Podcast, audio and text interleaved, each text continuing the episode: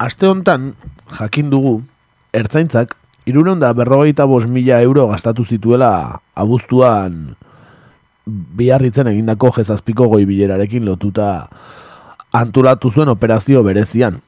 Izquierda Unidako eta Elkarrekin Podemoseko ordezkari Inigo Martinezek eskatuta, legebiltzarrera bidalitako informazio ofizialan agertzen diren datua dira. Zenbaki hori partziala da, ertzaintzari dagokiona, beste polizia indar batzuek ere parte hartu baitzuten dispositiboan. Ego Euskal Herriko zatian, esaterako Espainiako poliziak eta Guardia Zibilak bere gain hartu zuten muga kontrolaren eta Frantziarekiko koordinazioaren zati handiena, ertzaintza ordena publikoaz eta trafikoaz arduratzen zen bitartean. Ertzaintzari dagokionez, irurunda berrogeita mila euroko kostua eduki du munduko agintarien bisitak, egun horietan libre zeuden agenteak mobilizatu zituztelako batetik, eta zehaztu gabeko baliabide teknologikoak ordaintzeko bestetik. Dakigula, munduko goi agintariak biltzeak eragindako mugikortasun arazoek eta segurtasun indarren mobilizazioak etzion kezkarik sorrarazi, sorrarazi Josu Erkoreka jaurlaritzako bozera maileari. Herritarrek Kataluniarekiko elkartasuna dirazteko bada ordea, suminduta eta oso kezkatuta ageri zaigu Josu. Antza denez, bizi gaituen sistema honetan pertsonen mugikortasuna sakratua den egun hauetan, arrazoiaren arabera eskubide hau ez da hain sakratua. Segurtasun indarrentzat beti dago dirua aurrekontuetan. Horretarako EITBek ez du telemaratoirik antolatzeko beharrik. Lauteiatu gainean ilargia erdian. Hemen hasten da gaur egur. Guten Tag, meine Damen und Herren Entering the United полном States. основании можно сказать, знаешь что? C'est la lutte contre le terrorisme. Katea ez da eten. Agirre, garaikoetxea, leizaola. Gaur egur. Gaur egur. Gaur egur. jolasten eta enredando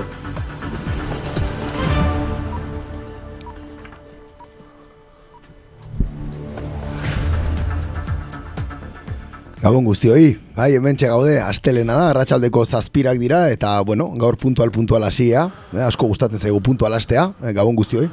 Bai, gabon, bai, gust- gustatzen zaigu ez dugu beti eh, arre horrela egiten, baina, bueno, ba, egiten dugunean ah, posten gea, eh? Puntualizateaz.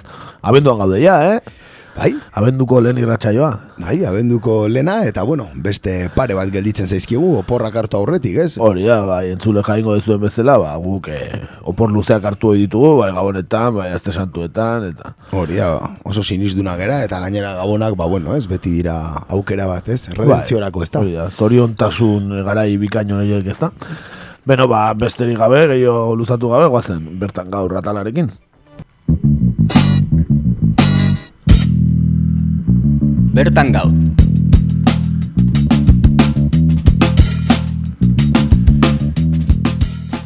Ba aurrera, bai, hemengo kontu eta zarituko gea, horrengo minutuetan, eta gaur bertan gaurren e, argi aldizkariak, aste honetan argitaratu duen e, artikulu bat aipatuko dugu. Kontu hau e, argitara eman duena la direkta aldizkaria izan da, eta, bueno, ba zer dio, zer esaten du ba la direkta aldizkariak.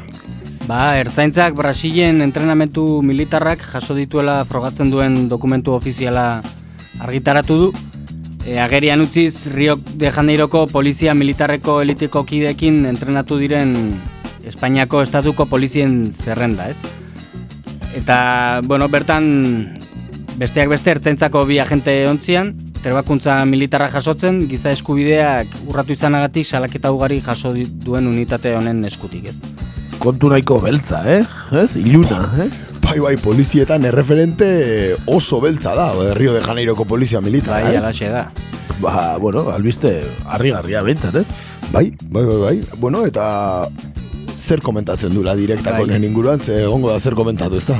Bai, ba, esaten du eh, edabideak e, bertan argitaratu duen dokumentua frogatzen duela 2018ko uztailean Espainiako estatuko polizia eta militar talde ugaritako hogeita bat agentek bederatzi egunetako instrukzioa jaso zutela e, Brasilgo polizia operazio berezietarako bataioiaren eskutik, ez? E, portugesezko sigletan BOPE. Eta, bueno, e, horien artean egongo lirateke bi ertzainez gainez, ba, sei eskuadra mozo, Espainiako lurreko armadako seikide, e, operazio berezietako irukide, ez, komando edo hauetako etakoak, bi soldadu eta sargentu bat. Itxas armadako infanteriako soldadu bat, bi udaltzain, e, naiz eta ez duen ar- argitzen ez, nongoak diren. Badu- uste- bai, Zumarrakoak bai, nik faltan bota izan dituta egun batzuetan. ze. eta bi ertzain eta Polizia Nazionaleko agente bat, ez? Gehi aduana zaintzako agente bat eta Bartzelonako guardia urbano bat. Bueno, bueno, bueno, da, este, Espainiar estatuko polizien Dream Teama. Bai, bai, e, olimpiadak irabazi zituztenak izango zian, ez? Seguro, aski. Oie, que Eh, está. bandako kideak seguro ez direla, ez? Ez, ez. Des- Desde luego. Joder, haze, eh? Uh. Ze bat, eh, kondimentu etxaladon bateako, eh? Bai, bai, The best of. Eh? Eta, bueno, dokumentu horrean pixkat gehiago sakondu zer, zer esaten digu. Bai, ba hori, esan bezala, e, segurtasun indarretako kidek atzerrirako teknika militarretan instrukzioa jasotzen dutela ziurtatzen du. Eta e, la direktako ni robot kazetariak bope honela deskribatzen du, ez? E, bope da Rio de Janeiroko fabeletan izua eragiten duen erakundea. Eta han, beraiek egin dituzten hilketak eta giza eskubideen urraketak, Amnistia Internazionalak eta beste erakunde batzuek behin eta berriz salatu dituzte. E, bope bataioaren ikurra beldurgarria da. Igual noiz edo noiz ikusi izango zenuten. Bai, bai. E, ematen du, ez dakit, bideo joko bateko ikur bat, ez? Da, bi pistola gurutze bat osatzen, honen gainean garezur bat eta labana bat, ez? Garezur hau e, alde batetik bestera gurutzatzen. Bai, oso gestapoko, ez? Eh, Bai, bai. Ez irudi hoien antzekoa, ez da? Bai, polizia baino gehiago paramilitar talde baten Bai. irudia, ez? Zalantzari, bai. Da, kide gehienak evangelikoak dira, ez? Eta beren buruari kristoren garezurrak deitzen diote. E, da, 2000 be meretzitik e, presidente duen Jair Bolsonaroren, bueno, ba, bera, bere igoera edo bultzatzeko ba, talde oso garrantzitsu bat dira, ez? Jode, ertzaintza, eh? Ondo... Instrukzio ona jasotzen, eh? Eh, Ondo aurkatuta, eh? Obetzen goaz, eh? Mosadetik, eh? Rio de Janeiroko Hori da. hori, eh? Bai. Batallo eh, ontara pasatu gara. Bai, eta, bueno, aipatu barra dago, gobernu aldaketaren aurretik, e, amairu mila lareun lagun hil zituela poliziak, 2000 eta amairu eta 2000 eta mazazpi bitartean, soilik e, Rio de Janeiroko estatuan, ez? E, orain Fabelen aurkako setioa areagotu eginda, e, Bolsonaroren esku, bueno, Bolsonaroren titere edo satelite bat den Winston Wilson gobernadore berriaren eskutik, eta berak dioenez narkotrafikoari aurre egiteko, ez, hori da eskusa, ba, frankotiratzaileak eta metraiadoraz jositako dronak erabili nahi ditu. Bueno, teknologia guztia beraien eskura gainera, eh? Bai, hori da. Izugarria iruditzen zaite, ama iru mila lareun pertsona lau urtetan poliziak hilda. Ba, eta estatu batean bakarrik, ez? Hori da, estatu batean magarri. Eta pentsatzen dut izango direla erregistratutakoak, ez? Ofizializatutakoak, ez? Hori da, hor- hortaz gain, ba... Jakizu zer dagoen, Jo, da, ez? zer referentea, eh? Bai, bai. Benetan, eh? Ertzaintza, baina hasi diala gomazko pelota beharren nola ja beste hau Bai, botatzen. foam, edo. Foameko, eh? Bueno, Bueno, instrukzio berriak beharko dituzte, ez? Fuene, bada, badiru di, ondo aurkatuta daudela, bai. Bai, eta, bueno, e, dokumentu honetan, Bopeko buru Marcelo de Castro, korbajeren sinadura agertzen da, eta de Castro e, prozesatu eta Bopetik kanporatu zuten 2008an. Operatibo batean legez kanpo diru kopuru erraldoia lapurtu ziolako Brasilgo narkotrafikatzaile talde bati. Ez, e, pelikula bat egiteko moduko gidoia. Bai, hori ere noiz bait hemendik ikusita daukago, ez da? eh? Bai. Ez dakit dirutan edo generotan, baina gertatu izan da, ez da? Bai, bueno, orain ere nola narko submarino edo hori, ez? Albiste batzutan lau mila bosteun kilo, beste batzutan lau mila, beste batzutan iru mila. Hori da. Albisten arabera galtzen jundia kiloak hortikan. Ba, gizu, bolsako baloreak oso bolatiak izaten. bai, hori da, hori da, poliziaren burtsa, eh? Bueno, gero tipo hau e, narkotrafikatzailea la, hori, berari lapurtu eta gero absolutu egin zuten polizi erakundera itzuli zen bope honetara eta Rio de Janeiroko udalak saritu egin zuen, ez? Joan den ustaian. Da, bueno, e, eliteko tropa honen gainean dabilen susmotako bada ea zenbaterainoko parte hartzea izan duen Mariel Franco aktivistaren e, Hilketan, ez? Hilketan, hori da. Aha. Gogoratuko zarete, duela urte bete inguru edo izan zen, ez? Mariel Franco oso sonatua izan zen. Bai, bai, bai, bai. Eta, bueno, 2000 eta emezortziko martxoaren amalauan hain zuzen, ekintzaile so soziala tiro zuten, eta Espainiko polizia eta militarren bidaia baino lau hilabete lehenago besterik ez, ez? Ba, bueno, erakutsiko zizkieten irudiak eta, ez? Nol- Nola imardian gauzak, ez? Hori da.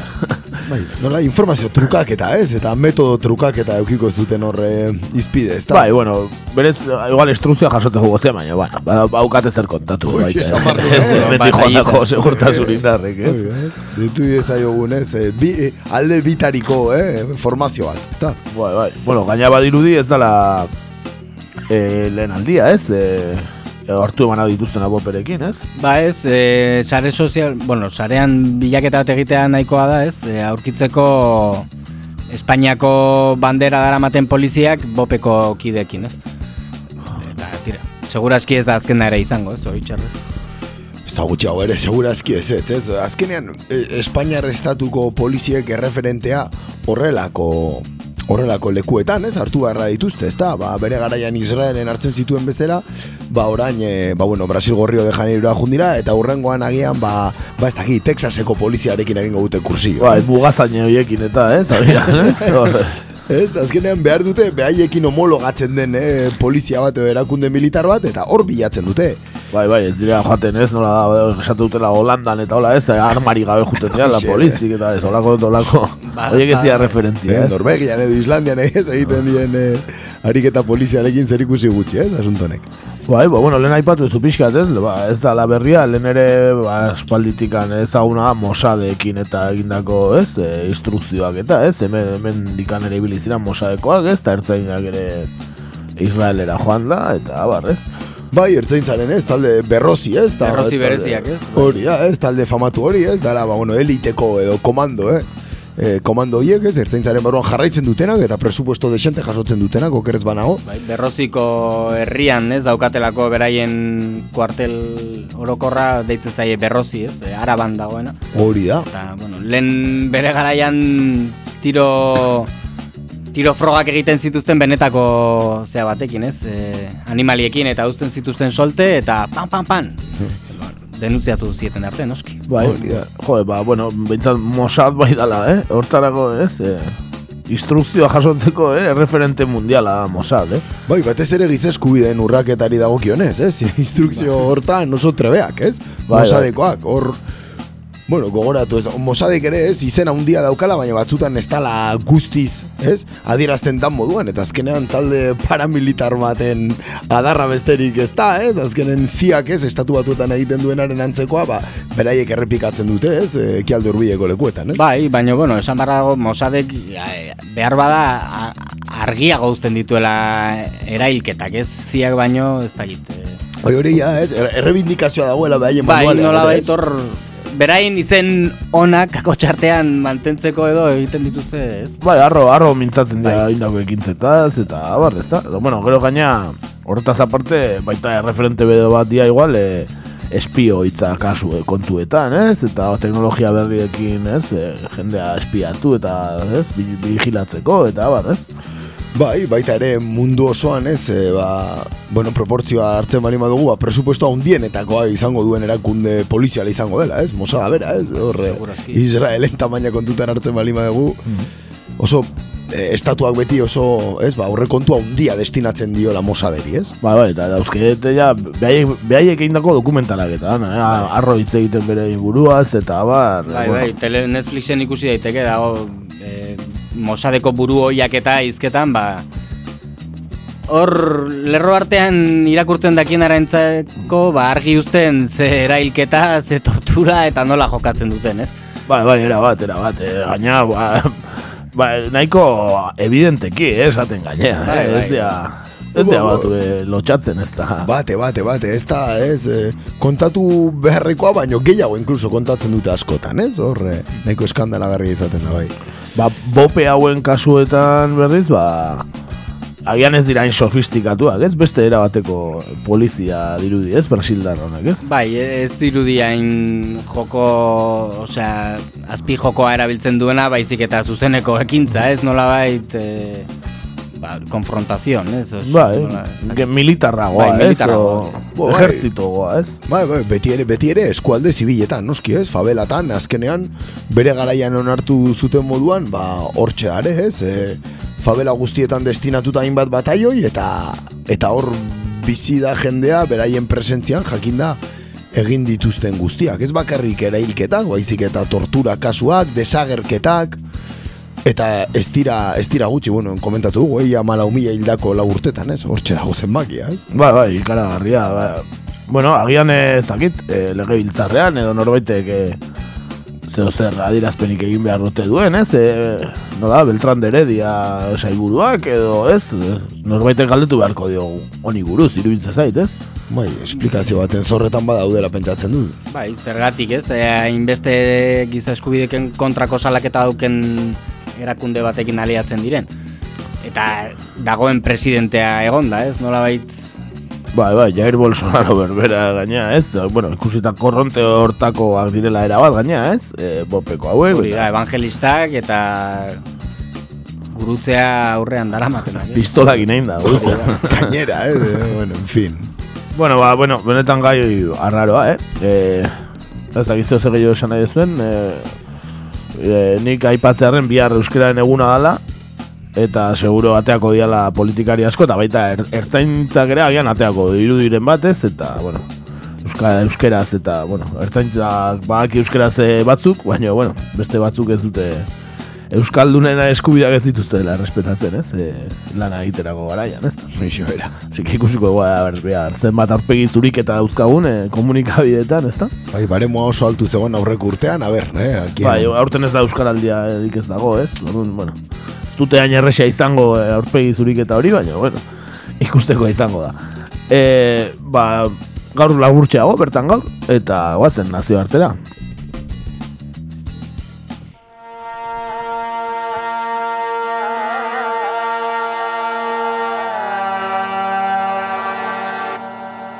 nazioartean gaur.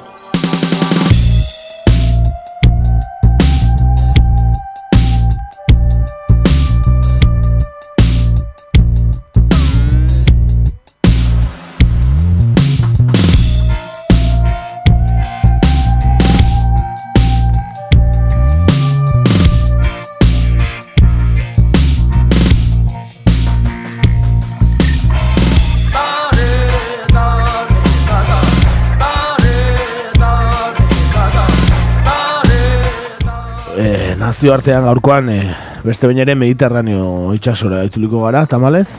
E, azken egunotan ba, arreskate ugari izan baitiran. Mas medietan gerozta atentzio gutxiago jasotzen e, ari den gaia da, ez? E, gaurkotasun osoa izaten jarraitzen badu ere. Eta instituzioetatik hartzen diren neurriak ba, eskasak edo utxaren urrena direla ere esan daiteke, ezta? Bueno, ba horregatik e, gaurkoan errefusiatuek bizi duten dramara hurbilduko gara berriro, e, azken egunotan gertatutako hauen arira.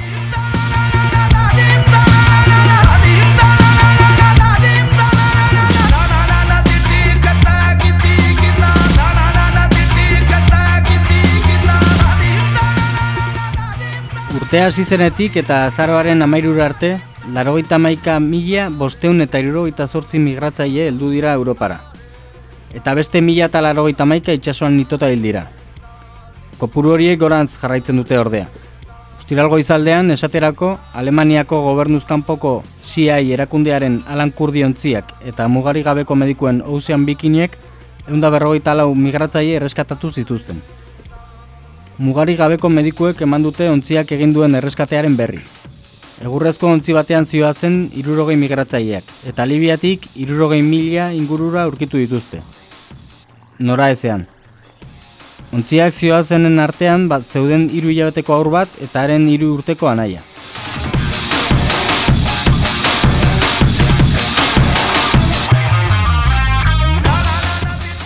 Alemaniako alan kurdik atzeman ditu beste larogeita lau pertsonak. Horien artean ere baziren emakumeak eta aurrak. Tartean, hogeita lau emakume eta zei hau, hiru jaio berriak. Emakumetako bat, konorteri gabe atera dute ontzitik, eta gero bere onera itzuli da. Zortzi asteko aur bat ordea oso ahul dago oraindik. Gobernuzkapoko erakundeak maltari eskatu dio lehen bailen eraman ditzala lehorrera.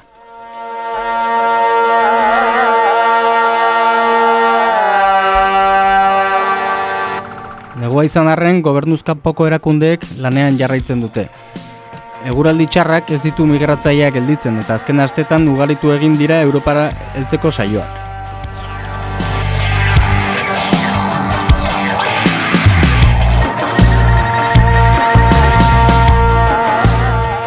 Bo, benetan datu beldurgarria dira Mediterraneoko hauek, eh?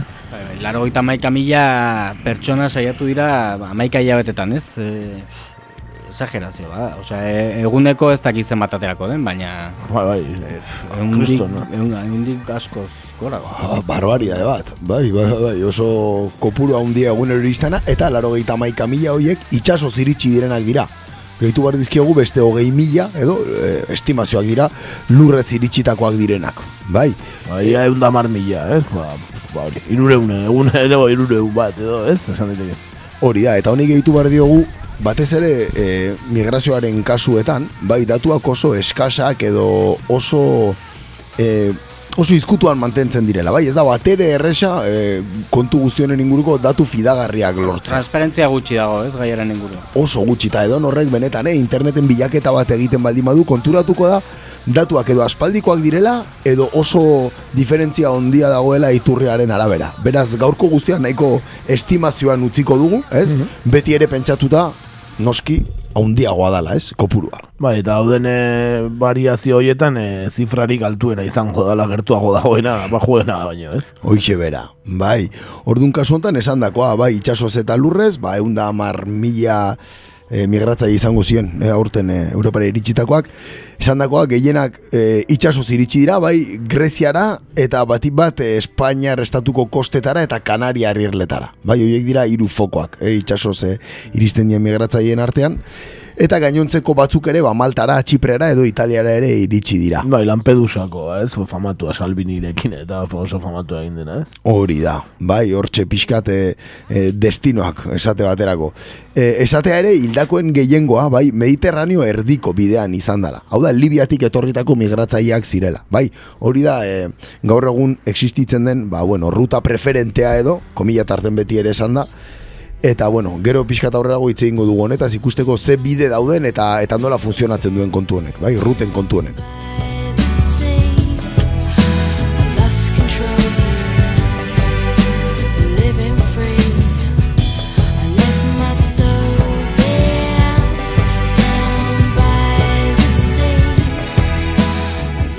Jatorriari buruz ere hitzen beharko dugu, nondi datozen, ez? Bai, bai, ba, bueno, orokorrean, eh, gutxi gora bera, eh, bueno, rankina egin da edo, ez? Eh, orokorren Siriatik, Afganistanetik, Nigeria, Gineatik, Bolikostatik eta Bangladesetik datoz, gehienak. Bai. Bai. oso jatorri desberdin eta eta berain artean ere urruti daudenak, eh? Dudari gabe, bai, eta askotan eh, ruta berdinak, ez, hartzen dituzte, hain urrutitik iritsitako, ez, hain punto diferentetatik iritsitako migratzaileak. Eta Bangladesetik datozenak ez dute, edo, Mediterraneoa gurutzatuko bai, hain arriskatuko dira, ez, behar bada kamin, karretera ziritsiko dira gehiago baina. Hor denetarik dago hori da, bai, bai lurrez sartzen dienak, baina baita ere, eta nahiko inkreibila da, Mediterraneo ekialdeko eh, ruta hartzen dutena. Bai, hau da, itxasoz Greziara iristen direnak. Bai, Turkia saiestuz edo. hori da. Bai, hori da, e, beraien ruta preferentea esate bateako, bai. E, nabarmentzea, lehenengo hamar prozedentzio horietan, bai, sei herrialde Afrikar daudela. Eta gerran daudenak ere bai, ez? Bai, bai, bertan dauzkagu, bueno, Nigeria, eh, da eh, Afrikako, ba bueno, migratzaile gehien datozen lekua, eh, Nigeria da, esan dakoa Ginea Bolikosta eta gero Somalia, Sudan eta Kongoko Errepublika Demokratikoa. Bai, Ah. beraz, ba bueno, gerran dauden herrialdeak, ez, izate Bai, baterako. Somalia eta Kongo behintzat. Hori da, eh, baita Sudanen ere, beraz, eh, oixek jatorriak, bai. Ezin hitzein gabe utzi baita hor dauden eh, mafiak eta ez trafikanteak eta abar, ez? Bai, bai, hor ere, ba, pentsauko ez ez, datuak oso komplikatuak, bai, alde batetik, e, Libiak ez dituelako publiko egiten, hori lehenengo gauza, eta gogoratu behar dugu sare gehien hauek, e, sare hauen gehiengoa Libiatik operatzen duela, bai, eta beste alde batetik Europak ere, ba, bueno, nahiko datu eskasak ematen dituelako honen inguruan, bai.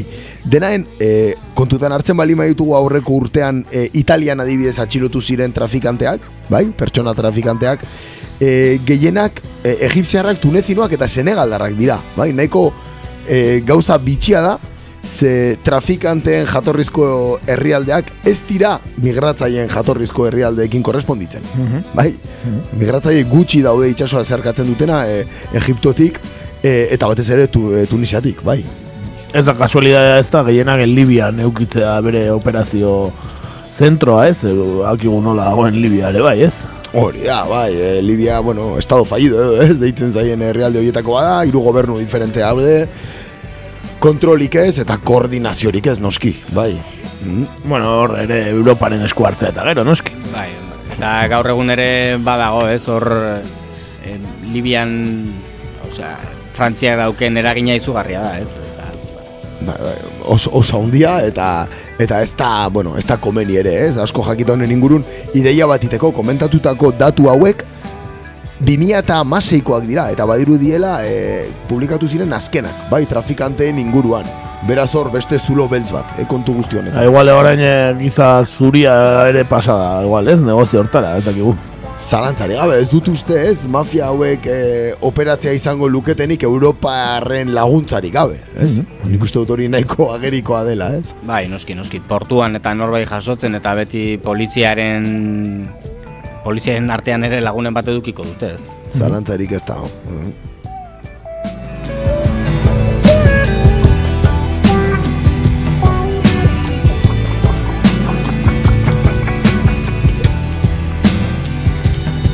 Egingo diogo errepaso bat orduan eh, dauden migrazio bide nagusi hoiei?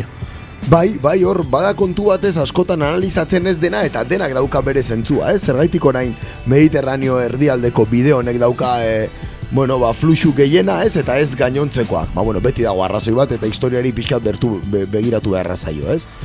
Hor, lehenengo gauza oso basikoena, ez? Da, e, Mediterraneoak bi mundu parez pare jarri izan dituela beti, ez? Aurrez aurre, ez? Kasu honetan Europa eta eta batez ere Afrika, bai? Eta bata bestearen kontu bizi izan dela, ez? Hori da premisa, ez? Hortik abiatzen gea, bai? E, gero ere kontutan uki behar dugu noski Mediterraneo Europako kanpo mugetako bat dela. Mm? Orduan, e, ba hori, aplikatu den logika, ez? Azken urte luzeetan kontrolaren logika izan dela, ez? E, ikusiko dugu moduan horrek ez du inungo soluziorik ekarri, eh? baina bueno. E, bueno, bidei dagokienez lau bide nagusi daude, bai, Mediterraneoa zeharkatzeko.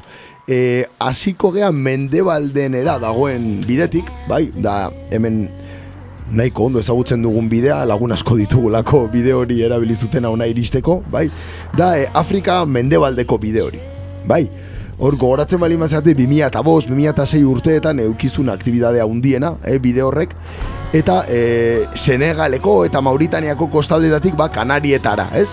E, joateko saiakera egiten zuten emigranteek.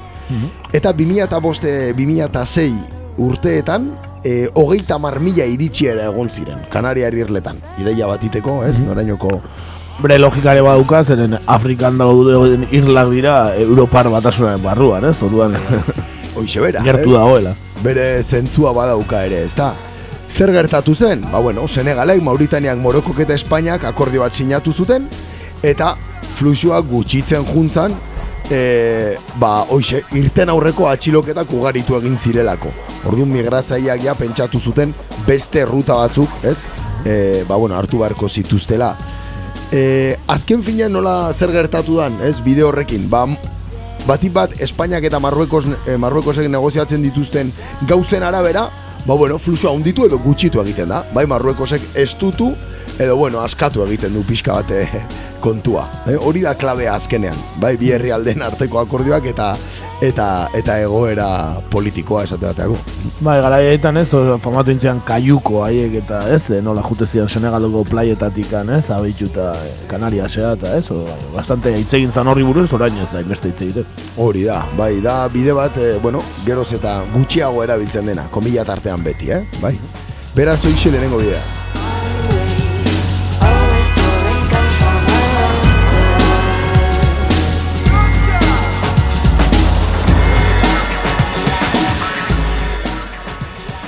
Goazen beste bide batekin. Bai, e, Mediterraneo mendebaldeko bidea, deitzen zaiona da, bai, eta guk hemen, ba, bueno, e, gehien ezagutzen duguna kaso da, e, Gibraltarreko itxasartea erabiltzen duen bide hori, ez?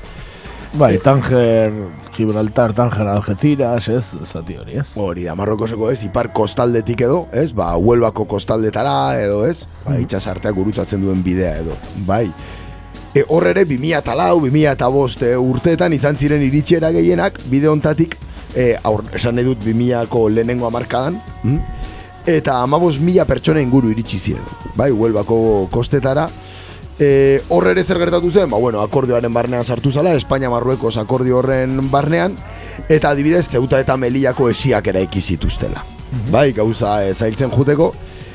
Eta bihurtu zen nolabait, e, Zeuta eta Meliako kontu hori, ba, sekuritaz, e, sa, e, sekuritizazio politika horren paradigma bat bezala, ez guk esiak eraikiko ditugu beraiek ez etortzeko, ez? Mhm. Itzaki perfektua izan zen. Ba, eta gaina e, ikusi dauzkago irudiak, ez? E, Guardia Zibila tiroka uretan zeuden e, etorkinei, eta abar, ez? Hori da, hori ondo, on, akordio hauen ondoren etorri izan guzti hori, ez? E, horrek gehitu behar diogu zie pilo bat, ez? Centro de, centro de internamiento de inmigrantes, o, ez? E, juntzirela zabaltzen, Espainiako egualdean, Limbo juridiko badena, ez? Hor eh, kartzela bat, baina kartzela izendatu gabe. hori da, bai, azkenean e, funtzionamendu internoa e, ia berdina da, ez? Eta baien helburua zen migratzaile horiek ez iristea, esango dugu, estatuko iparraldera, ez? Kontentzio bat bezala. Eraiki zien e, zie hauek, Baina, bueno, gaur aurten adibidez, ez? Zenbakiei behitzen bali diegu, hogeita bi mila pertsona baino gehiago. Iritsi dira bide horretatik, beraz badirudi, ez duela funtzionatu asuntoak, ez? Bai, bueno, ez da, Beraien- oso horrexa ere, ez, ba, bestea hainbesteko kosta zabala, ez, eta itxaso gaina gertu dagola esan dut, e, ez, e, Marrokosetik e, Iberiar penintsulara, ordu ba, zaila da baita, ez, gaina ez da bakarrik etorkinen pasorako toki bat, e, droga trafiko handiko gunea ere bada. Hori da, ez, hor, e, trafiko guztiak nazten dia pixkat, ez, Gibraltareko itxasarte hortan, eta gero gehitu barzaio elementu bat, eta da, gainontzeko bideetan bezala, ba, bueno, mundu arabean egon ziren, kako txartean, udaberri arabiar hoien ondoren, ba, migratzaile fluxuak erabat handitu zirela, ez? Eta kaso honetan, ba, ez da gutxiago izan.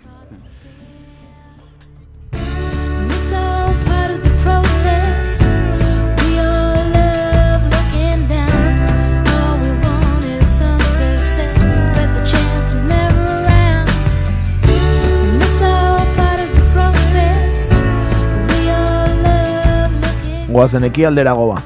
Hori da, bai, Mediterraneo erdialdera iristen gea, bai, e, da gaur egun, ez, e, migratzaile gehienek erabiltzen duten e, bide hori. bai? Libiako hori, ez da? Hori da, bai, Libiako bidea edo, Libiatik abiatzen den bide hori.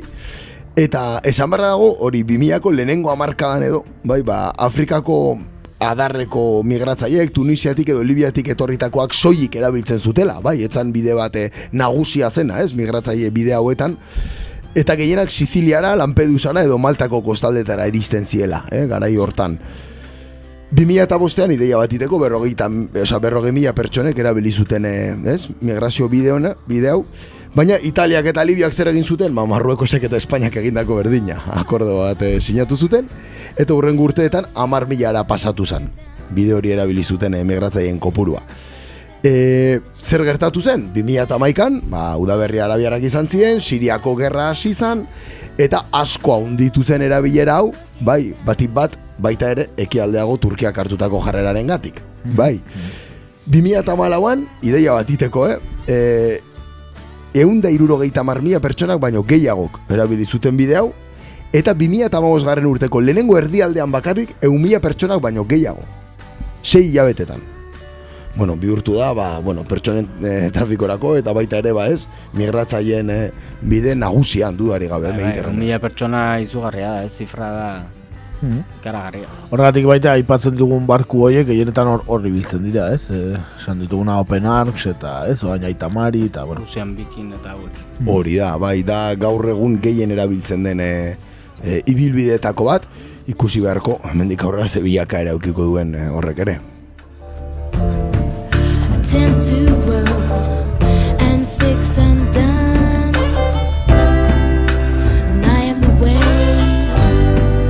sought to scale. We're all companions on which we sail.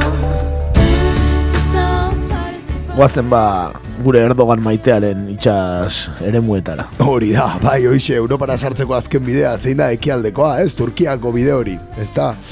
E, batik bat Turkiako kostaldetik Greziarako bidea izan da, bai, lurrez ere, e, izan dira fluxu migratorioak, baina gehienak e, Grezia ruartetara iristeko, ez? E, ba, bueno, saiakerak izan dira, bai? Baita Txiprera ere gutxi batzutan. eh, Hor ere, hasieran famatu intzianak, ez, Lesbos eta abar, da? Hori da, bai, lesboseko uartea eta hor inguruan daude beste hainbat uarte oso txiki, ze oso leku txikiak dira, bai. E, esan bezala hoxe, ba, Turkiak, e, bueno, lehenengo amarkan, 2000ko lehenengo amarkan, nahiko bisado politika malgoa zeukan, bai, Ordun, Afrikar herrialde askotatik, ba, bertara hegazkinez joateko aukera zegon. Hori faktore garrantzitsua da migratzaile asko hegazkinez juten ziren Turkiara eta gero ja gurutzatzen saiatzen ziren, bai. Ze gertau zan? Ba, bueno, betikoa, ez? Horre ere Turkiak eh, bere papera jokatu zuela, eta, eta batez ere, botoak ematen hasi zela Turkian eh, migratzaileen kontrako kontuak. Bai, 2006tik aurrea, Somaliatik errefusiatu asko iritsi ziren, baita Afganistanetik eta Bangladesetik ere, eta ideia bat iteko, e, 2008an berrogei mila pertsona iritsi ziren e, Greziara Turkiatik. Greziak fronterak gogortu zituen, eta e, 2008an, eta hau, jende askok ez dakien, ez, datu bada, e, esi bat eraiki zuten Ebro Sibaiak egiten duen ba, muga naturalean edo. Horre esi bat ere eraikita dago, melillakoa bezala, e, migratzaileak ba, ez daitezen pasa, bai. Eta honen ondorioz, ba, itxasbidea indartu egin zen, bai, eta 2008ko lehenengo erdialdean adibidez, lehenengo erdialdean, eh? Berreun da hogeita marmila pertsonek hartu zuten bide hori. Pilo bat, Sei ez da, hilabetetan. Hitz egiten ari garen e, zenbakiak oso oso handia Bai, dira. bai, pentsa, donosti oso bat, ez, e, mugitzea Sei urte, urte erdian, bai, bai. Hori da, Turkiar kostetatik Greziar uartetara. Gero etorri zan, Turkiak eta Europar batasunak sinatutako akordioa, ez? Erdogani oso ondo etorri zitzaion kontua, ez? Hau, bueno. Iru mila milioi euro pagatu zizkion Europar batasunak Turkiari, eta hor, ba, bueno, Erdoganek hartu zuen, ba, bueno, determinazioa eta eta autua, ba, migratzaileei atea izteko.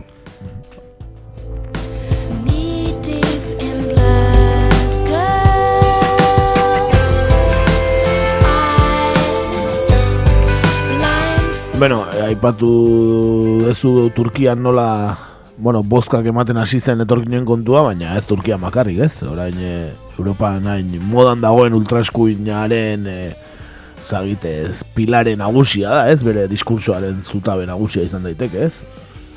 Zalantzari gabe, oso ondo, oso ondo etorri zaio ultraeskuinari, ez? Gertatzen ari den guztia, eta baita ere Europar batasunak kontu honen aurrean hartu duen jarrera.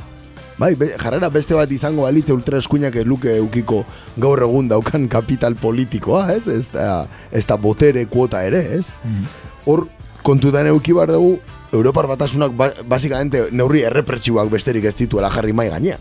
Bai, Frontex agentziaren bidez, baita ere bere garaian ez, komentatu zen e, reparto ura ez, e, errefusiatuen erre, reparto bat egingo zutela ez, Europa osoan zehar, bueno, ura lotxagarria izan zen, ez? E, e, herrialde neuneko laro gehietaboa ostak ez zuen kumplitu, ez? Espainiak zenbat jaso zituen, egun da piko pertsona, ez, horrelako zerbait. Ba, e, autonomia erkidegoan ere bazaian ez da izen bat, ez? Eta Nafarroan ere bai, eta etzian inoiz iritsi, o gero iritsi zen, pff, ez da inoiz e, oso ondo argitu kontu guzti hori, ez? Uste, eune, e, osea, hasieran paktatutako euneko zazpia, bete dala, e, ez dakit lau urtetan. Hori, lehen e, hitz egiten genuen biharko euskararen eguneko kontua, ba, berdina baina etorkinekin, ez? Arrazismoaren aurka, ez?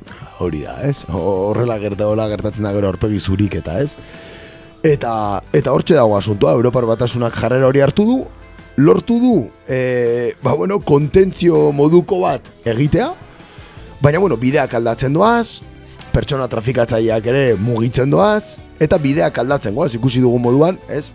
Ba, bueno, neurri baten atzetik, ba, bide aldaketa bat etortzen da, normalean. Jendeak beharra dauken bitartean, ez, e, eske ezinezko izango hori geratzea, nora baita esateko bizia jokatzeko prest, baldin bazaude, bizia hobetzeko aitzakiarekin, ba, nekez, ez, edo zein e, neurri errepresibo katziaratu egingo du behar bada, e, arazoa, nola bai. baina baina azkenean e, sakoneko eta egiturazko aldaketa bat behar da, ez? E, jatorrizko herrialdetan, ba, beraien politika zikinak alde batera utzi eta bertako biztanleriari aukera bat eskaintzeko. Hori da, ez, hor txegakoa, ez, Eu- Europar, Europar batasunak Afrikan duen politika eta sarraskia gelditzen ez duen bitartean, hau existituko da, ez? Horrez dago alternatibarik, ez? Bai, aurreko demoraldian uste, ez hitz egin genula, ez, e, estimatzen zala 2000 eta berrota marrerako ez da ditzen bazan, e, Europaren populazioa gaina e, jende etorriko dala Afrikatik, ez? Irure milioi pertsona aurre ikusten dira, etortzea eh, Afrikatik Europara 2000 eta berrogeita marrerako. Hau da, eh, populazioaren euneko berrogeia Afrikatik etorritakoa izango da, 2000 eta berrogeita marrean, eta gehiengoa erligio musulmanekoa. Eta, hombre, noski, al kontuan izan, e, Europa e, geroz eta zaharragoa dala, ez, e, jendea, bueno, e, jaiotze tasak eta oso txikia direla, eta Afrikan justo kontrakoa, beraz, gauza oso logikoa da hori. Guztiz.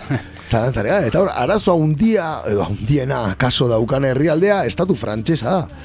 Zer gertatzen da, migrazio honetan parte hartzen duten kiden gehiengoak, eh, herrialde frankofonetatik datozela, askunde demografiko gehiena duten herrialdeak direlako. Bere kolonia izan dakoak. Claro, claro, orduan, buelta etorri barzaio estatu frantsesari gurrengo geita amar urtetan, baina amarnaka milioika migratzaiek noski herrialde frankofonoak aukeratuko dituztelako, bakasu Belgika edo Frantzira jongo direlako. Gauza oso normala, baina. Noski, noski, noski, eh, logikoa da moduan, ez? Bai, bueno, e, azkenean e, a- Frantziaren e, handitasunaren parte izan da Afrikako espolioa, ez? Eta behaien e, Frank Afrika eta guzti hori, ez? Beraz, Zer gertatu da, ba, hoxe, e, estimazio linguistiko bada, baina nik uste dut kulturalki eta demografikoki eragin asko eukiko duela. Seguro, seguro baietz. Gaur egun berreunda berrogeita mar milioi e, frantses iztun inguru haude munduan, hogeita mar urtetan zazpireunda berrogeita mar izango dira. Hortxe ez? Hortxe datua ez? bai, bai, ba, hementxe Euskal Herriera etorriko dira, argita garbi. Zalantzari gabe. Ordurako gaina gerra eta ohiko gozetez gain e, migratzaile ambientalak edo deitzen dienak egongo dira, ez? Hogeita hamar urte barru segurazki klima aldaketak ere eragingo dituelako mugimendu, bueno, ikusiko dugu, baino pentsa ezakegu nahiko handiak izango direla. Bai, bai, pinta guztia dauka, ez? Orain ari dira egiten, ez? Kumbre hori, ez? E, Kli, aldaketa klimatikoaren, ez? Madriden, o... Bai, bai, gaina oso, bai, e, COP21 edo Txilen egin beharrekoa zen, baina bueno, bertako egoera politikoan ondorioz Madridea aldatu zuten. Pinetxetekin, ez? Pinetxek, hori da. Pinetxek. Pinetxek, Pinetxek. Eta, bueno, de hecho hori da, COP21 Chile Madrid deitzen da. Kumbrea, oso Bai. gauza kuriosoa. Bueno, eh, aurpegi zuriketa asko aste honetan, eh? Igual irratxa jo gaurko ahi aurpegi zuriketa gola ditu harko dugu. Bai, bai, bai, bai, bai, bai, modan dagoela. bai, bai. Ba, bueno, eh, pixkat hori Europaren eh, erantzunkizuna, ezta? Eh, ala ere, ba, euskagu eredu oso argiak, elkartasunarenak eta eta gauzak beste era batera egiteko, ba, dauden eh, ba, erreskate barku horiek eta baten bat ba, oso oso gertutik ezagutzen duguna, ezta? Bai, e, Aitamari Euskalontziak erreskatatutako migratzaileak Italiara iristea lortu dute. Amaitu da, pasaden arazaroaren hogeita batean Mediterraneo itsasoan erreskatatutako irurogeita mezortzi migratzaileen zeharbidea. Itxasoz egin beharrekoa bai behintzat. Aitamari ontzia Sizilia uartean porturatu zen asteartean. Posaion, Italian eta beraz, Sahara zegoaldeko Afrikatik zetozen irurogeita mezortzi migratzaileek lortu dute Europara iristea. Amarrak aldera iritsi zen ontzia portura. Eta osasun zerbitzuak eta poliziak zituzten zain.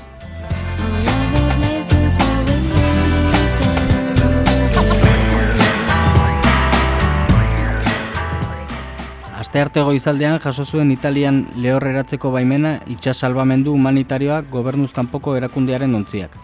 Baina itsasoa zakar zegoela eta ezin izan zuen astearte goizer arte egin pozaiorako bidea.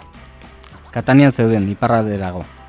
Han ontzi aldaketa egiteko baimena eskatu zuten, baina Italiako gobernuak ukatu izana ez da arazo handia izan azkenerako.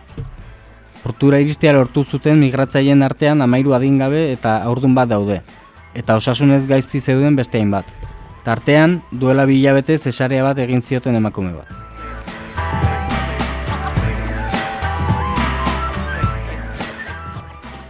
Pozaion izan zen Ane Irazabal kazetaria eta haren arabera lehorreratzea azkarra eta lasaia izan zen.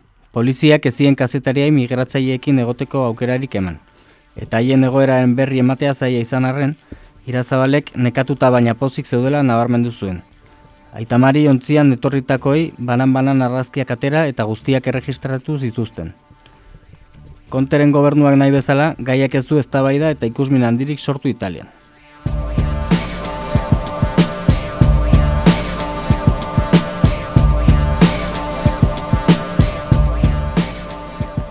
Orain migratzaileak banatzeko prozesua hasiko da. Italia, Malta, Alemania, Frantzia eta Espainiako gobernuek hitzartu dute hartuko dituztela. Eusko Jaurlaritzak ere migratzaileak hartzeko konpromisoa azaldu du, baina esan du lehentasunak bermatzeko garaia dela oraindik eta goiz dela zenbat adierazteko.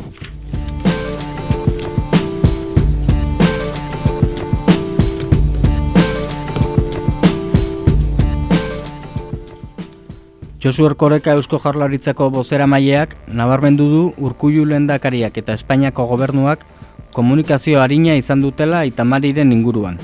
Eta euren lana eskartu die tripulatza- tripulatzaileei eta GKE-ari. Gipuzkoako batzar nagusiek ere itxas salbamendu humanitarioari 3500 euroko diru laguntza bat ematea adostu zuen. Itxasontziaren erregaia erosteko. Azkeneko hiru urteetan guztira hogeita sei mila bosteun euroren laguntzak eman dizkiote Aitamariri.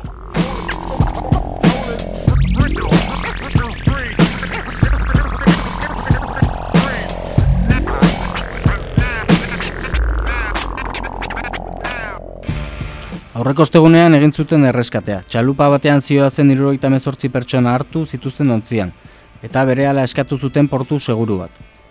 Azken egunetako denboraleak zaildu egin zituen maniobrak, eta zailtasunak izan zituzten migratzaileak seguru eta babestuta edukitzeko. Argi zuten hasieratik Italian edo Maltan behar zutela lehorreratu, ez zirela inondik inora ere joango Libiara. Azkenean Italiako gobernuak eman zien baimena.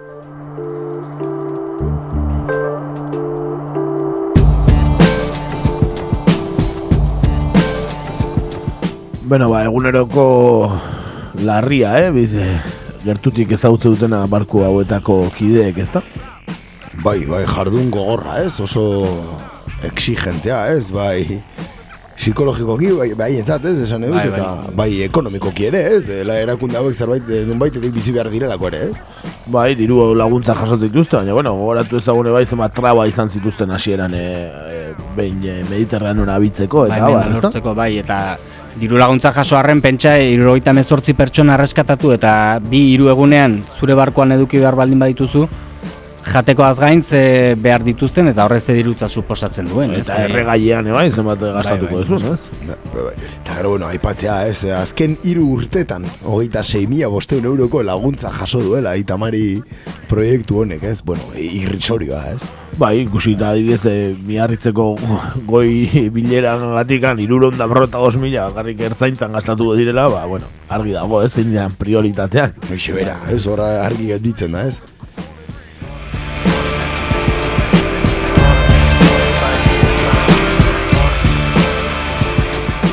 Bueno, Europan bizitzen ari den drama, ez?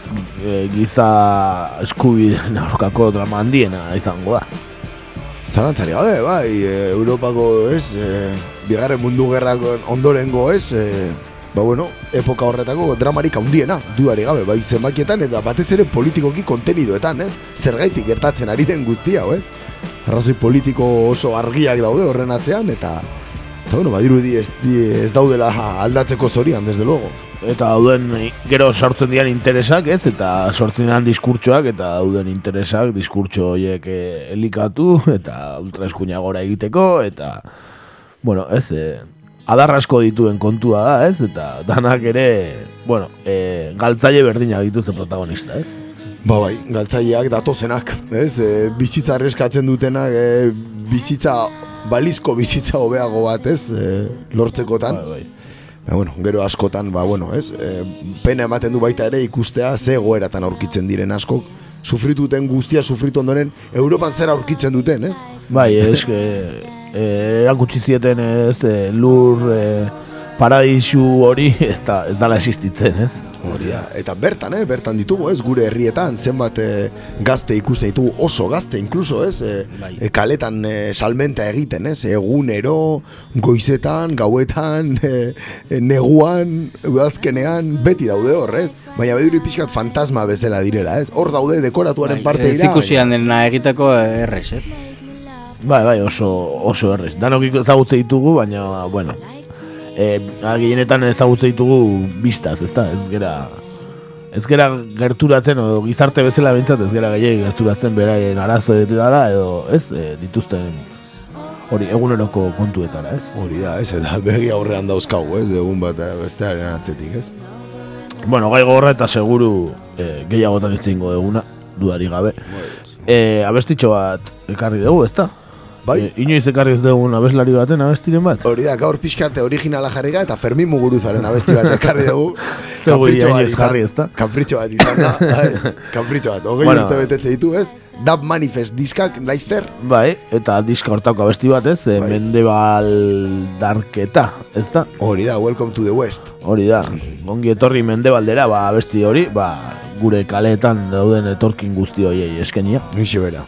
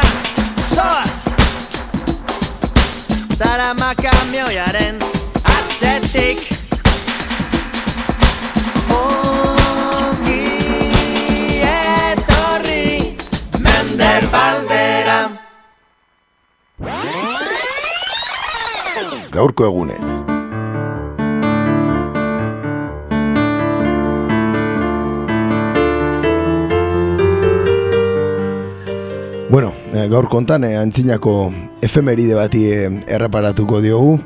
Gure errealitatetik urrun eta arrotz sentiarazteko modukoa, baina ez horregatik eh, garrantzi gutxiago duena. Alta gaurkotasunik ere baduela, esango genuke mundu mailan ematen diren gatazka kulturalei erreparatzen badiegu, edo eta oraindik bosteun urte pasa diren hontan, bai itxi ez diren e, zauriei begiratuz gero.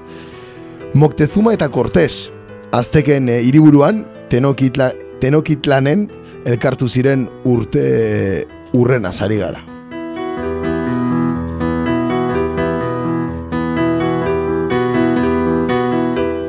Aspaldiko efemeridea, baino ez horregatik egarrantzi gabekoa, eh? Benetan eh, oso gauza historikoa izan zelako, ez da? Ia Bai, bosteun urte pasa dira. Hori da, bi kulturen arteko talka ez, irudikatzen duen efemeride bada. Eta gaur egun e, oraindik ba, bere ondorioak ere dituena noski. Bai oso argia gainera, ez? Esan daiteke, ez?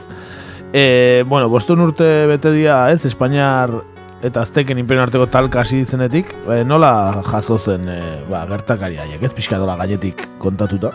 Bai, ba, bueno, esan Espainiak e, dakizuen bezala mila lareun da hamabian aurkitu zituela e, Ameriketako lehen lurraldeak, e, bueno, kolonek, Espainiar koroak ordainduta, baina etzen mende laurden beranduago arte, e, mila behatzirun da meretzi arte izan, hain zuzen, e, Bakubatik Kortesek e, gidatutako espedizioak Mexiko ba, esploratu zuen arte, ez? Esploratu eta bukaeran konkistatu. Eta, bueno, ez, aurretik egon ziren beste espedizio batzuk, e, baina ez zuten Extremadurakoak izan zuen arrakasta lortu, ez? E, bueno, nolabait Kuba eta La Espainola ditzen zioten irlatik, Haiti eta Republika Dominicana, ez? Bertan zeukaten beraien basea, baina e, ba hori, kontinente handia edo ez zuten ondo esploratu hogei urte pasa arte, ez? E, bai Pizarro eta Enparauek hegoaldean eta Cortés iparraldean. Mundu ez ezagun hori pixkat ezagutu, ez? Lehenengo gero konkistatzen saiatzeko, ez da? Hori da. Bueno, eta zer, zer topatu, zer topatu zuen, e, Kortesek, ara, iritsi zenean. Bai, ba, bueno, Cortések eh, esan beharra dago, osea, baimenik gabe eh, abiatu zuela bere espedizioa, ez? Eh, Kubako gobernadore zen Diego de Velázquezen ba, nahiaren kontra edo, eta, bueno, hasieran Yucatanera iritsi zen, Yucataneko penintsulara, eta bertan geldialdi txiki batzuk eginda, Veracruz, gaur egun Veracruz eh, bezala ezagutzen dugun irira edo eh, iritsi zen. Eta hiriura bataiatu zuten, ez? Veracruz, ba, holako izen pomposo batekin. Eta, bueno, e, ba, bertatik ja informazio ugari jasotzen hasi zen, ez? E, zeintzan ze herri zeuden, ze nola mugitzen zen politika, garaiko politikan, ze, ze erligio zeukaten, eta bar? Zein ziren etxaiak behaien artean. Hori da, batez ere hori, ez? E, gogoratu behar da, e, garai hartan Ameriketan ez, ez zutela ezagutzen ez aldirik, ez da polvorarik ere, ez? Orduan pentsa, ba, metalez jantzitako zaldun batzuk iristean ze impresio eragin zezaketen. Claro, claro. Bai, bai. Ba, jainkoa, jainkoaren izenean zetu zela, ez? Hori da.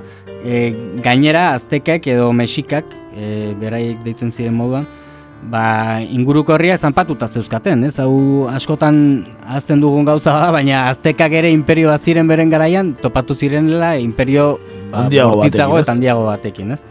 Eta, bueno, ba, bi hau elementu hauek baliatuz, ez? E, izan zuen Kortesek, e, bosteunda emezortzi soldadu, amairu arkabuzero, amasei zaldun eta zazpi kainoi eskasekin, ba, aztekek egun da berrogeita marrutean ere zuten imperio izugarria ez, e, gaur egun ez du hain handia ematen, baina garaiko garairako eta Ameriketan izateko ba oso handia zen, ez? E, pentsa e, ba, Pazifikotik e, Atlantikora zoan lurraldea eta ba, Mexikoren zonalde erdi oso hartzen zuena, ez?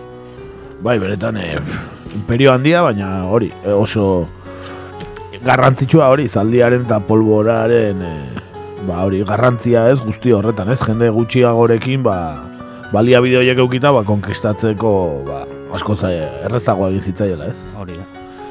E, nola bizi ziren, o nola iritsi ziren bizirik Mexikoko erdialdera? Bai, ba, Mexiko iria, o, bueno, garaiko Tenochtitlan, e, Berakruzetik, largo, lareun kilometro ingurura dago, ez? O, zer txobait gutxiago, baina, tira, e, mendiak, volkanak eta abar igaro behar dira, eta, ba, ez da, pentsatu dezaket, garaian etzela gauza errasa izango ezagutzen ez duzun herrialde batean lehorreratu eta irureun kilometro barrura egitea, eta oraindik bizia gordez. Baina, bueno, e, aipatu beharra dago jarraitu horretik Mexikoko konkistak gaur egun arte eragin itzela izan duela bai Mexiko eta bain Espainiako historiaren e, bueno, historiak nola kontatzen digun errealitatea izan zela, ez? Eta e, modu ezberdinez gain mito ugari ere garatu dira bi, al, bi aldeetan noski eta askok interes politiko jakin batzuei jarraitzen die. Bai, bi, bi bertsio desber kontra jarri daude gainera, ez? Mexikotik eh, kontatzen dena eta Espainiatik kontatzen dena, ez? Hori da, hori da. E, Cortesen kasua oso esanguratsoa da, ez? Espainian, ba, mila pesetako biletetan akordatzen bazeatea agertzen zan, ez? Bere aurpegia, Bai, bai. erabilera handiena zuen bileten, hain zuzen. Eta Mexikon adibidez, ba, Cortés, e, Diego Rivera muralgile famatuak, ba, bere mural famatu batzuetan, e, Anzokalo plazan, ba, e, alimaina moduko batera pintatzen du, ez? Estralurtar itxusi eta zikin baten modura, ez? Eta, bueno, e, ba, noski figura oso e, nola esan, ba, maitatua eta gorratatua izan daiteke, ez, Cortesa, segun nundi begiratzen dugu. Duare, gabe, ez, eh, Espainiar estatuan nahiko entzutetxua izan zen, ez, nola, e, luniak edo ez, bazeukaten programa bat umentzako, eta bertan Bai. egin zituzten espezial batzuk Cortesen historiaren inguruan, ez, umei erakusteko nortzen, ez? Adibide gisa, eh? Bai, orain bertan ere uste dut e, telesail bat e, ateratzera doazela. Bai, edo atera dutela, ez? atera Eta, dute. bai, e, nik elkarrizketa irakurri nion protagonista ja uste dela Oscar Jaenada, edo, bakizue, e, Blackish beltzan nahi gaitzik Bai, bai, bai, bai, bai, hori hori pelikulan, bai, bai, adibidez. bai, bai. Eta beak esatuzun hori, e, ba, gehien erakartzen ez duena e, papel horiteko zalen, la, ba, ze kontra esan zeuden, eta ze bertsio oso desberdin, e, Mexikotik eta eta Espainiatik begiratuta, ez? Eta, claro, Mexikon garatu dute, eta Mexikoko, ez? E, ikuspegia ere agertzen da, orduan, bueno, horrek asko erakarri zuela, e, protagonista iteko. Bango zioten diruak ere seguru, bai, ez, bai. Dudarik ez.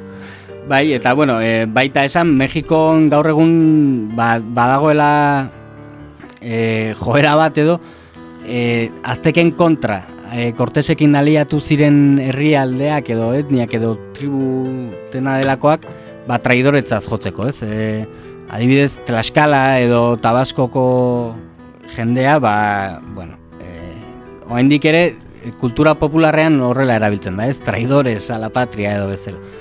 Eta hori naiz eta e, ba, bueno, historia pixka aztertuz gero ez den horrela, ez? E, izan ere Espainiarrak hain pertsona gutxirekin oso zaila zuten, ez? E, konkista gurutzea eta beste herrialde batzutaz baliatu ziren, e, Tlaxkalakoak esaterako, eta bueno, haie esker e, lortu izan zuten milaka pertsonako ejertzito bat osatzea, ez? E, baina e, deigarria da, ez? Nola pentsa e, zezaguna zaizun herrialde batera iritsi eta osea, aliantzak eta abar egiteko politikoki jokatzeko komunikatzeko beharra daukazu bai edo bai, ez? Ja, eta hizkuntzak ez daukate zer ikusirik. Ez daukate zer Inoiz ikusirik. ez dute euki erlaziorik behin artean, ez dira kontagiatu, ez dute, ez? Ez errez, hitzik ere ez dute antzekorik, ez? Claro. E, orduan, hor, bueno, zorte apur bat edo izan zuen Cortesek esan dezakegu, ze arazo horiek iditeko bi, bueno, bi aliatu edo bi pertsona eduki zituen, ez?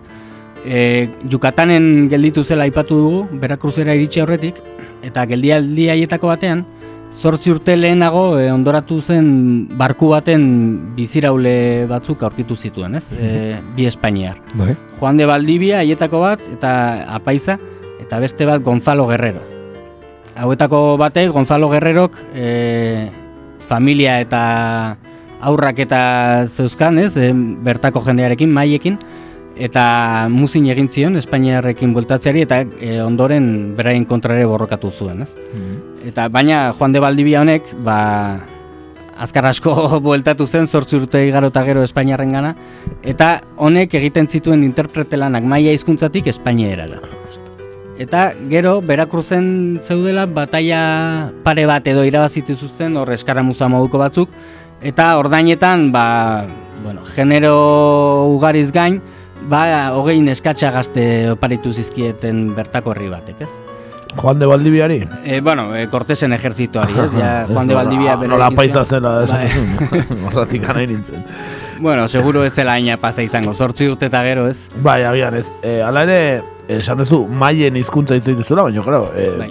gero aztekak konkistatu zituzten, ez? Hori da. Antzeko hizkuntza zeuzkaten, maiak eta aztekak. Ez, e, bueno, e, oinarria behar bada bai, baina ez daukate zer ikusirik, ez? Orduan, e, maia hizkuntza gaur egun ere oraindik hitz egiten dela eta naiz eta gutxi eta aztekek ordea nauat a, erabiltzen zuten, ez? Mexiko herrialdeko hizkuntza gaur egun ere bizirik dagoena, ez? E, besteak beste kakahuete hitza bertati dator. Eta- Vale. Ba, Guk, ama, e, merienda modura erabiltzen Bai, duguna, bai, eh? nahiko modan dago gaur egurren, eh? Bai, bai. Eta, bueno, ba, hori, e, hor, bazuten itzultzaile bat maiatik espainerara, baina ez, ezin zuten nauat hizkuntza ulertu, ez? Eta hogei neskatxa hauetako batek, e, bere garaian, aztekaen lurraldean jaioa, baino esklabu bezala saldu zutenak, ba, Cortesen itzultzaile, e, kontseiari eta, bueno, e, emazte lanak edo egin zituen, ez? Seme bat eduki zuen berarekin, Eta honek e, lortzen zuen ba, bueno, e, nauat hizkuntzatik maia hizkuntzara egiten zuen itzulpena eta Baldibia honek ba, Espainierara, ez? Modu horretan lortu zuten ba, ba, aliantzak eta beste egitea, ez? Esan beharra dago garaiko kronista askok e, Bernal Díaz del Castillo da behar bada ezagunena. Esaten dutela jair, lehengo elementu garrantzitsuena bezala e, konkista gauzatzeko jartzen zuten jainkoa zela, baina bigarrena e, neskatxa hau malintze, malintxe edo malintzin deitua, eta, bueno, osea, pentsa ez, e, zer egin zuen, eta, bueno, e, besteak beste, ba, aginduak ere ematen zituen, ez? Protagonista garrantzitsua historia Bai, guztian, Eta beraz. Mexikon gaur egun ba, traidoretza daukate ez, baita ere. Baina eh, historiografia fin bat eh, eginez gero, ba, ipatu beharra dago sekulako politikari fina izan zela bere ere, bai. ez? Duari gabe, bai, bai, bai, bai. Berriz ere historiarako gizonezkoen izena geratu zizkigu eta emakumezkoenak gutxiago ez, adibidez, eh, Oh, bai, bai, kasu honetan, dudarik eh. Europara behintzat edo Espainiar estatura ez da iritsi bere historia kortesena ez beste behintzat. Ez, ez, ez da, ez, umen programetan ere agertuko, eh? E, bueno, azkenean gora berak medio ez, e, iritsi ziren ez, tenotxit lanea, ez da? Bai, hori da, e, azaroaren erdialdean iritsi ziren eta hasieran noski aztekek bazekiten bazokaten beraien berri, ez, aldez aurretik. Baina hasiera batean gonbidatu bezala hartu zituzten eta e, ba, bertan egon ziren hilabete batzuk, ez? E, Kortesek alde egin behar izan zuen arte, ze gogoratu baimeni gabe atera zelaku batik eta bertako gobernadore zenak ba, ejerzito, bueno, ejerzito edo e, gizon batzu bidali zituen bere kontra eta Cortesek ba, aurre egin zien Mexikoko Mexikon, baina ez Tenochtitlanen, ez? Eta e, Cortes kanpoan zegoela baliatuz, e, aztekak altxatu egin ziren, eta, bueno, e, la noche de los de las no sé qué tristes deitzen zaio, ez? Pentsa e, ze izen hartu duen, osea, aztekek errebolta egin zuten eguna, guretzako tristea balitz bezala, ez? Horrela pasa da, eta Mexiko nere horrela ezagutzen da. Eta, bueno, e, gau hartan esaten da e, Moctezuma karrikada bat jaso zuela bere ba, azteka baten partetik, baina gaur egun ez da sinesgarritza jotzen, ez, mito moduko bat hartzen da. Bai e, gau hartan bertan hiltzela, baina behar bada bere aldekoekin edo borrokan, ez. Eta, bueno, gero egontzen beste errege bat, Cuauhtemok baino ez zuen denbora gehiagi iraun, eta Espainiarrak azkenen garai e, suertatu ziren, ez. Eta han egin zuten e, birreinatoa, ez da? Hori da, bertan sortu zen birreinato e, Nueva Espainia, ez, e, ondoren sekulako garrantzia izango zuen, eta mina pila bat, eta zabaldu zituzten bertan, eta bueno, han bazegon baita Nueva Bizkaia deitutako provintzia bat birrenatu horren barruan. Zerbaitegatik izango zen. Eta aipatu genuen eh, aurreko denboraldian hemen eh, Valentin etorri zela eh, Miguel López de Legazpiri buruz hitz egitera, nola garai konkretu batean eh, bertako alkate izan zela, ez? Eh, da. alkatetako bat, alkate, bai. eta abar.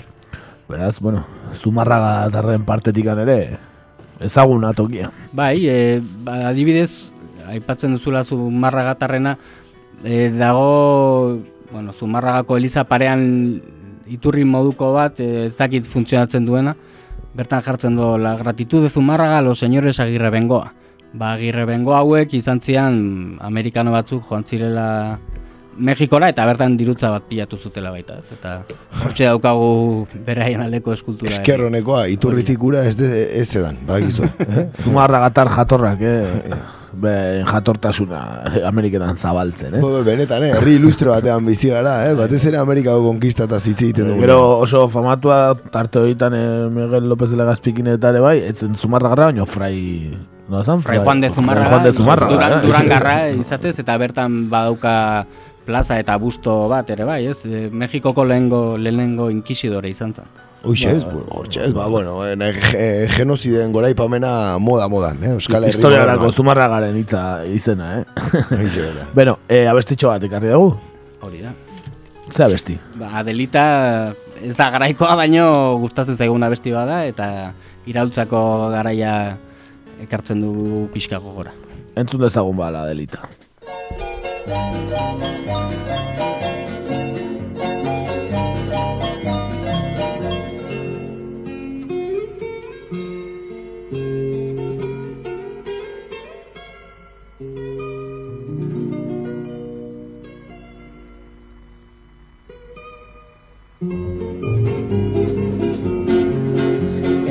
Alto de una abrupta serranía, acampado se encontraba un regimiento y una moza que valiente los seguía, locamente enamorada del sargento.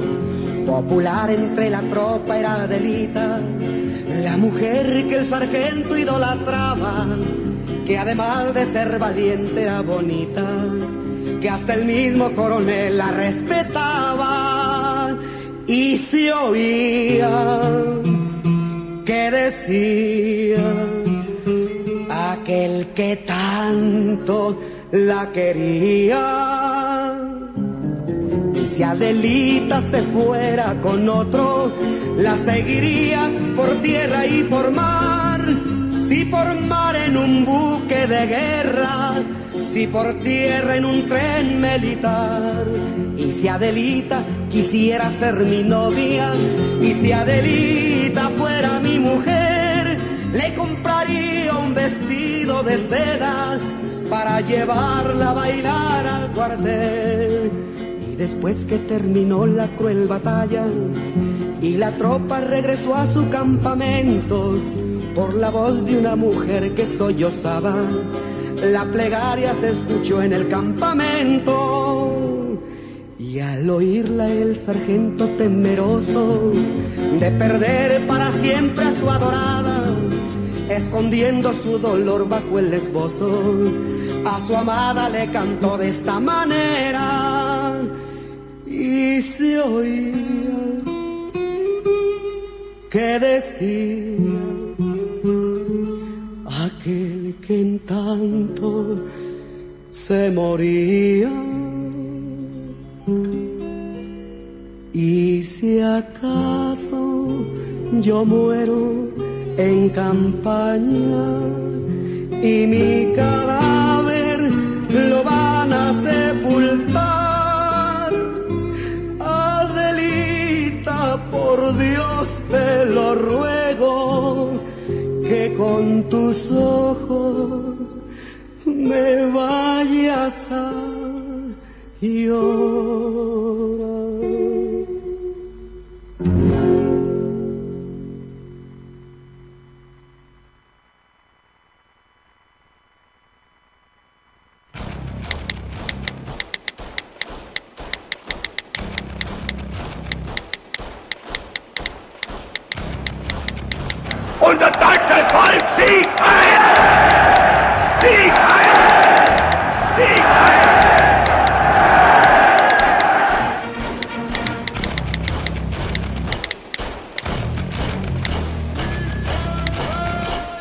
Badatoz SSA. Sare sozialetan egur.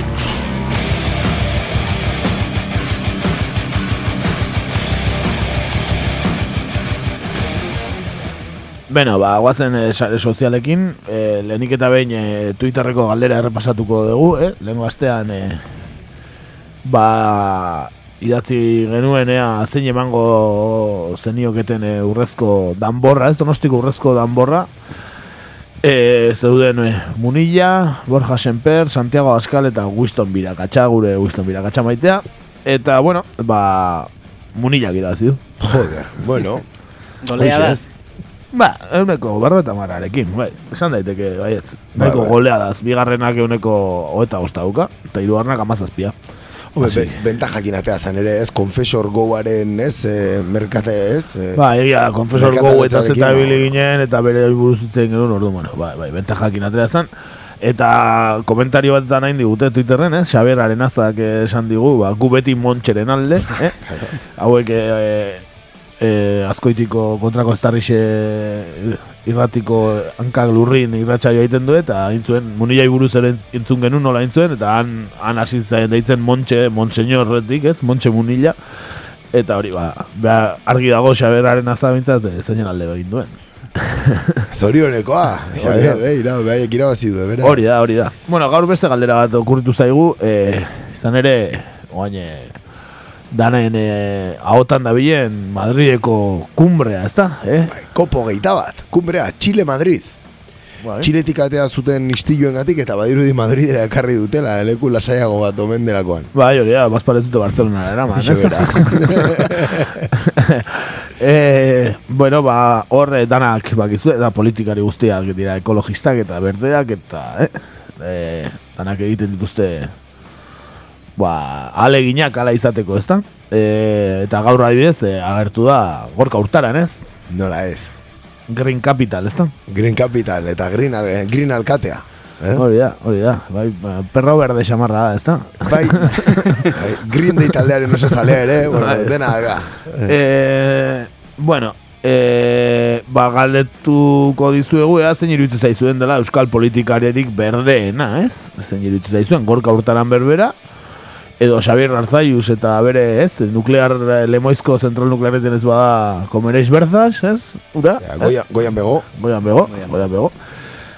Edo Asensio, ez? Gure eh, Gipuzkoako, ez? Eh, Ingurumen sailburu sailburu maitea, ez? Errauskailua iriki, ez? Hasi dela, ja, ez? Eh, martxan hasi da.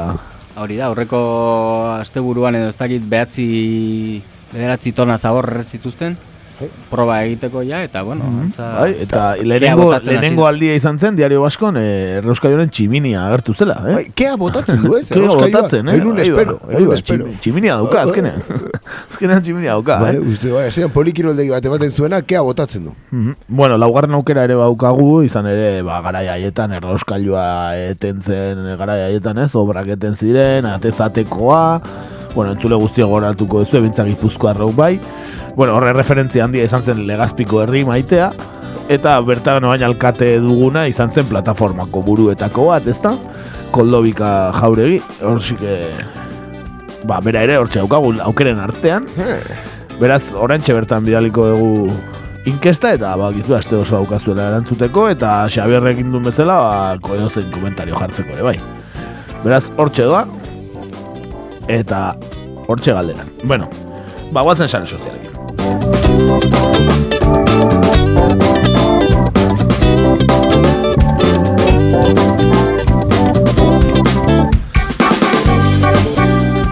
Bueno, enteratuko zineten ez, e, Go Amerika guztian, e, herri batetik bestera doaz e, gauzak berotzen, eta bain Kolombian ere, ba, bastanteko jaleoa daukagu, eh?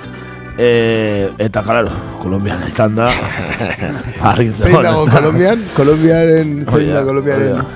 Ez, ba, gure lagun maitea, ez bera. Bueno, ba, hori, Kolombia osora zabaldu zirela, ez dira, zabaldu dira protestak, eh, azarako eta baten hasi ziren, sindikatu ditutako herrialde mailako lanuztea zena, ba, herri mailako mugimendu bilakatu da, eta aurreko asteburuan eta aste osoan ba, kalera atera dira herritarrak, Kolombian.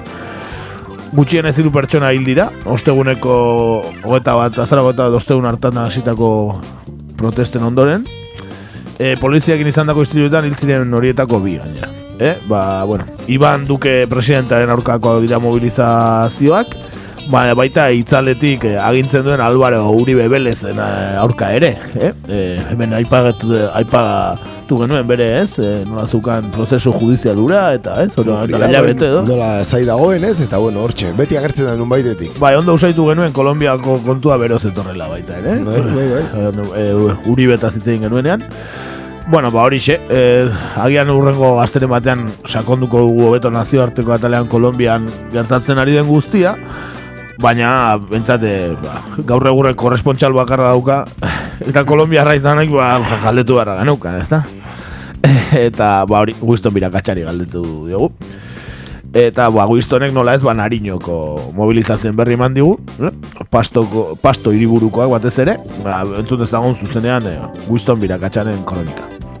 A esta hora aquí en la ciudad de Pasto, en la Plaza Mayor, en la Plaza de Nariño, se vive un espectacular concierto con motivo del paro cívico nacional que ya cumple más de 14-15 horas y que por fortuna en el departamento de Nariño ha pasado totalmente en calma.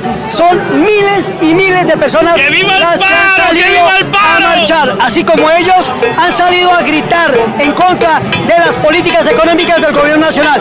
Vamos a preguntarle a la gente hoy, ¿cómo vive esa jornada? ¿Cómo vivió esa jornada hoy?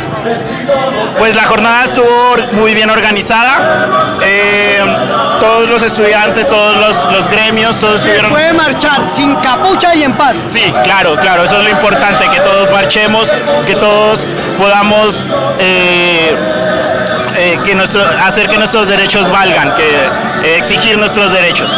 Bien, vamos a preguntarles a otros asistentes aquí. Hay que decir que Pasto fue ejemplo nacional hoy.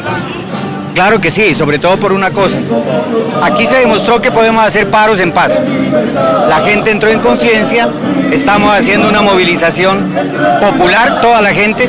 Hay sectores que nunca salían, como la Contraloría Nacional, como la rama judicial, todos juntos, pero en paz. Bien, eso es lo que se vive a esta hora la tarde aquí cuando ya han terminado las marchas y la concentración es en la Plaza de Nariño. La gigantesca Plaza de Nariño como nunca antes, hay que decir, no se llenaba desde hace más de 14 años. Hoy está totalmente llena por personas, estudiantes, maestros, trabajadores oficiales, independientes, que todos dicen sí al paro cívico nacional. Cuando a esta hora en puesta de escena, algunos de los estudiantes y trabajadores se han querido sumar a esta jornada de paro. Mire, vamos a hablar rápidamente con él. Hoy, ¿cómo se vivió esta jornada? Absolutamente antiuribista. Bueno, eso es lo que tiene que ver con ellos. Vamos a preguntarle aquí que el dolor no me sea indiferente. ¿De dónde viene? Eh, soy de representante de los docentes orientadores del municipio de Pasto, docente del Magisterio de Nariño. Hoy fue una jornada de ejemplo para Colombia. Por supuesto, en Pasto hemos demostrado que a través del arte, de la música, de la cultura, del conocimiento, podemos protestar de una forma pacífica. Se puede protestar sin capucha, sin tapar el rostro, sin papas bomba, sin piedras, sin dañar vitrales, ni nada. Por supuesto, no tenemos nada que esconder. Quienes están escondidos son quienes aprueban leyes en contra de nosotros, en contra del pueblo, y no muestran su verdadero rostro. Voy a, voy a mostrarles el carnaval multicolor que viene al fondo, que es en una de las calles céntricas de la capital de Nariño, cuando a esta hora todo Pasto está volcado en la plaza principal de la capital de Nariño.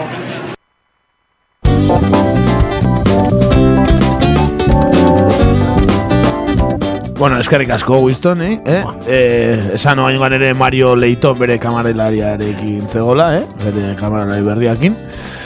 Eta hori, Winston beti bezain zorrotz, eta orain inoiz baino bakezaleago ikusi dugu, ez da, eh? Nola, indaiteke, no, hay que, se puede marchar en paz y sin, eh? Sin, Sin papas bomba. Sin tapar caras, eta, sin papas bomba, ez da? Bai, bai, bai.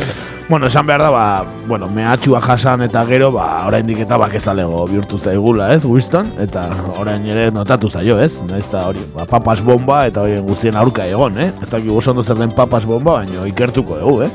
Galdetuko dugu Winstoni. Lertzen den patata caliente bat igual izango. Edo tabaskoz, eh, tabaskoz betetakoa, horako zerbait. Papas bomba, ezean, eh, hemengo jatetxe batzutan daudenak, eh? Hori, Papas bomba. Ja lo creo. Eh, bueno, ba, egia esan eh, oso lanpetuta ibili da, beste kronika bat ere biali zigun Winstonek, baino despista handi baten, ba, mikrofonoa piztaztu zitzaion, eta ez da tutik ere entzuten. egia da, eh? Ez, ez, da- ez gera gezurretan nahi, entzun, entzun. Más golpeados en la historia de Colombia. Las reclamaciones no son de ahora, son de tiempo atrás. ¿Qué esperan con este paro? Esperamos financiación completa de la educación, financiación total a la jornada única, donde la infraestructura, alimentación escolar, el transporte estén bien financiados y bien soportados. José, muchas gracias. Sigamos mirando lo que pasa esta hora en la carretera panamericana. Bari, bideo guztia hola, eta, jaro, ez zaio tutik ulertzen, gizonai. E, oso despistan dia, ba, mikrofonoa piztea aztu. Ba, be- berriro ere agian tinto bat hartzea joango zan, eta ez... Bai, hori da, eta reporteria ekipoarekin arazo izango zituen, baina, bueno, Bai. Mario Leighton ontan ez da nizor zibili, eh? Ez, ez Leighton ere ba omen dabil azken aldin hor tintoan pixka Bai, bai, eh? zaletasun hartzen, eta bai, eta- bai, eh. Bai, paro nazional, eh? Cívico, paro cívico nazional, Sí, esan. bai, bueno, kaputxa gabe eta papa bomba gabe. jarraituko dugu gertutik, ezta? Eh, oi, seguruena joango da Kolombiara urrengo egunen batean, ez? Ikusiko dugu. Agian, ez? Bai, bai, bai, hortxe egongo gara, eta bueno, lehenengo eskuko testigantza daukagu beti, Winston Biraka txapaba Hori gure korrespontxala hundiaren eskutik. Hori da, ba, besterik ez, hementxe utziko dugu abesti itxo batekin, eh? Kasu honetan ekarri dugu abesti bat, ba, Mexikar batena, Mexiko eta zibili gara izketan, baina ba, soinu jole mexikarra da, baina, bueno, genero ugari uztartu bazitun ere, ba, bere ospe nagusia Kolombiako doinua joz. E, egin zituen, ez, e, kumbia kolombiarra eta baienatua bezalako estilotan, ba, Celso Piña, eh, Celso Piña arbizu, handia, Monterreien jaioa berro eta mairuan da aurten hildakoa. Halaxe da, ez, apirilean joan zen nahiko gazte, baina bueno. Bai, bai, nahiko gazte. Eta hori, e, ba, abestia elkarri dugu, ba, Kolombia idazle unibertsalenari buruzko abestia, ezta? Ba, zein, ba, Gabriel García Márquez, ezta? Hau berriz alderantziz, Kolombiarra, baino Mexikartua, ezta? E, Mexiko niltzen, e, 2008an. Eta hori, ba, Kolombiar idazle famatua, eta irurogeita zazpian argitaratu zuen bere novela ezagunena, ez? 100 años de soledad. Ez, ba, Makondo herri e, inventatuan e, gertatzen dena, ez da, ba, bueno, ba, Celso Piñaren Makondo abestia ekarri dugu, abesti bikaina, eta ba, besterik ez, e, urrengo astean e, hemen egongo gara, ez da? Duari gabe, hemen txentzuten gaurrengo astelenean, eta bueno, bitartean, ba, gaiztok izan. Hori da, gogoratu konstituzio egona ez dara jaioguna, eh? Hoxe bera, eh? Hori, eh, Venga. denontzako, dako? Hori da, guazen Urrengo Celso. Piña eta Makondorekin, aio.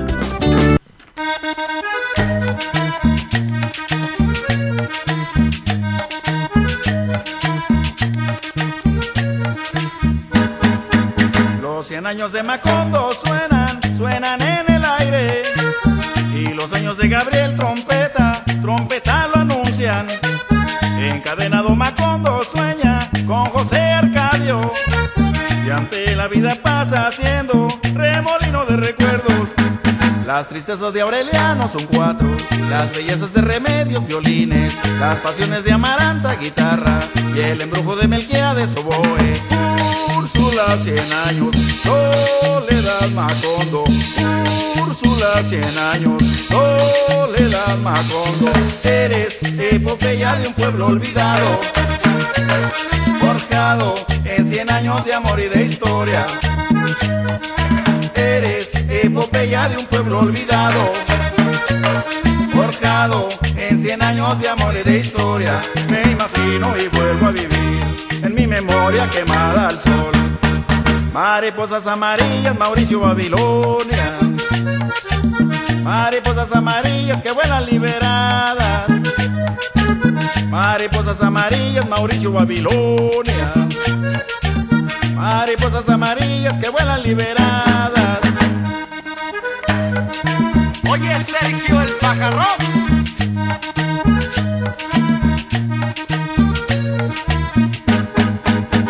100 años de Macondo suenan, suenan en el aire. Y los años de Gabriel Trompeta, trompeta lo anuncian. Macondo suena con José Arcadio.